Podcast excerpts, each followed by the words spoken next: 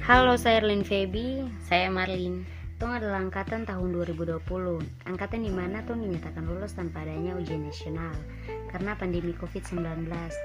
Tong yang membantu pemerintah dengan anjuran pemerintah, yaitu Tong tinggal di rumah saja.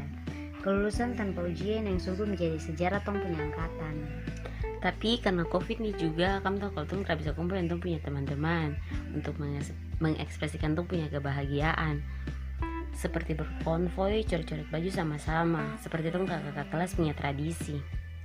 Dari kelulusan tanpa ujian ini juga banyak komentar negatif yang beredar di sosial media dan biasa dibilang tong angkatan tuh angkatan tanpa perjuangan. Tong usai sebelum tong punya waktu, tong istirahat bukan pada tong punya jam. Mendadak tong semua jadi alumni.